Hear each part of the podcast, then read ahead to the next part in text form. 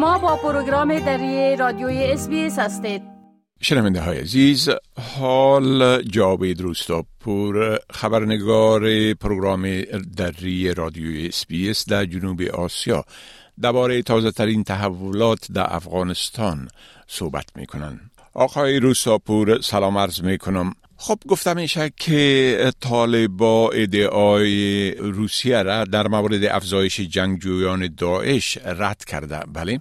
با سلام و وقت شما بخیر. آقای شکیب بله همان گونه که شما اشاره کردین مسکو ادعا کرده که پس از روی کار آمدن دوباره گروه طالبان در افغانستان شمار جنگجویان داعش در این کشور سه برابر شده است. بر بنیاد یک گزارش خبرگزاری تاس روسیه به نقل از زمیر کابلوف نماینده ویژه روسیه برای افغانستان شمار جنگجویان داعش نه تنها تعدیدی برای افغانستان است بلکه تعدیدی برای کشورهای منطقه و همسایه نیز هست. کابلوف گفته که پس از تسلط طالبان تعداد جنگجویان داعش در این کشور سه برابر افزایش یافته است.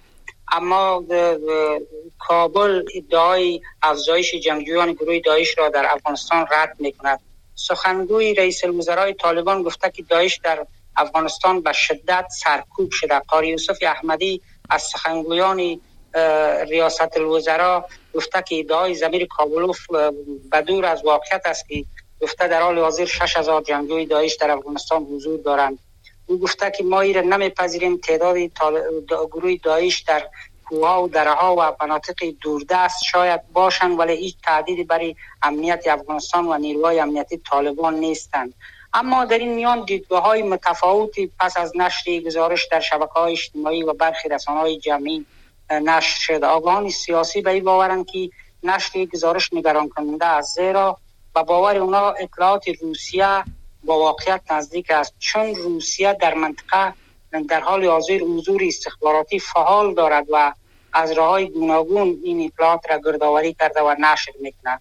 اما برخی دیگر از افرادی که امسو با گروه طالبان هستند از جمله برخی مقامات پیشین طالبان گفته های کابلوف را بدور از واقعیت دانسته و تاکید کردند که رسانه های خارجی و برخی کشورها در تلاشند تا حکومت افغانستان را به گفته آنها با مشکلات روبرو کنند و با نشر چنین گزارش های وانمود کنند که حکومت در حکومت طالبان در برابر مبارزه با گروه داعش ناکام شده.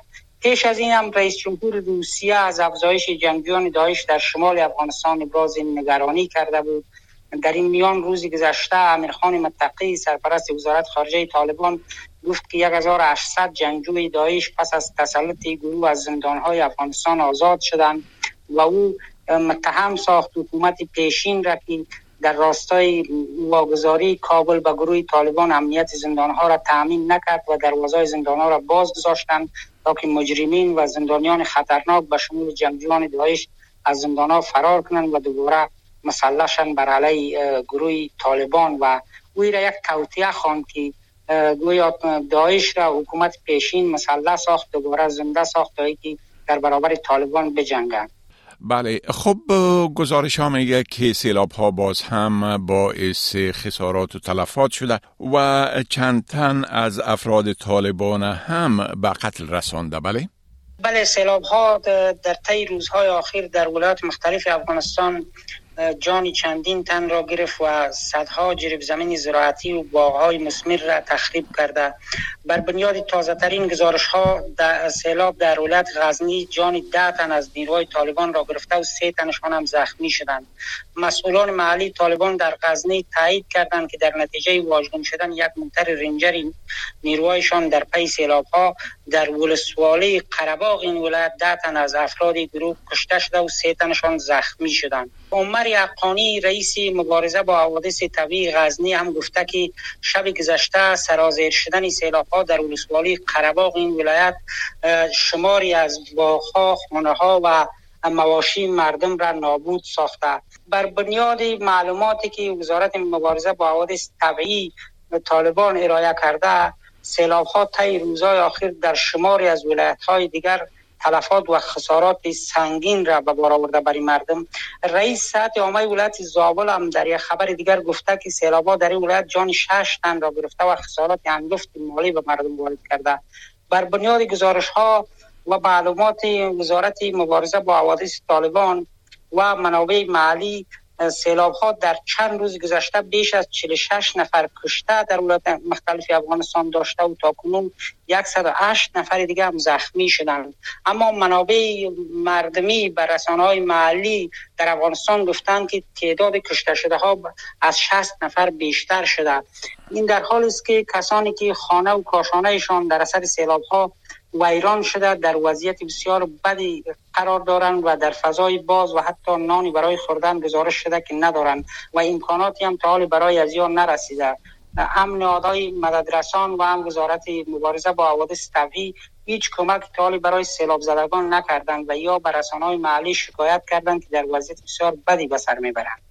بله. خب گزارش ها حاکیست که مردم بیجا شده که به کابل آمده بودند اینا به محلات اصلی مربوطشان برگشتانده شدن. بله.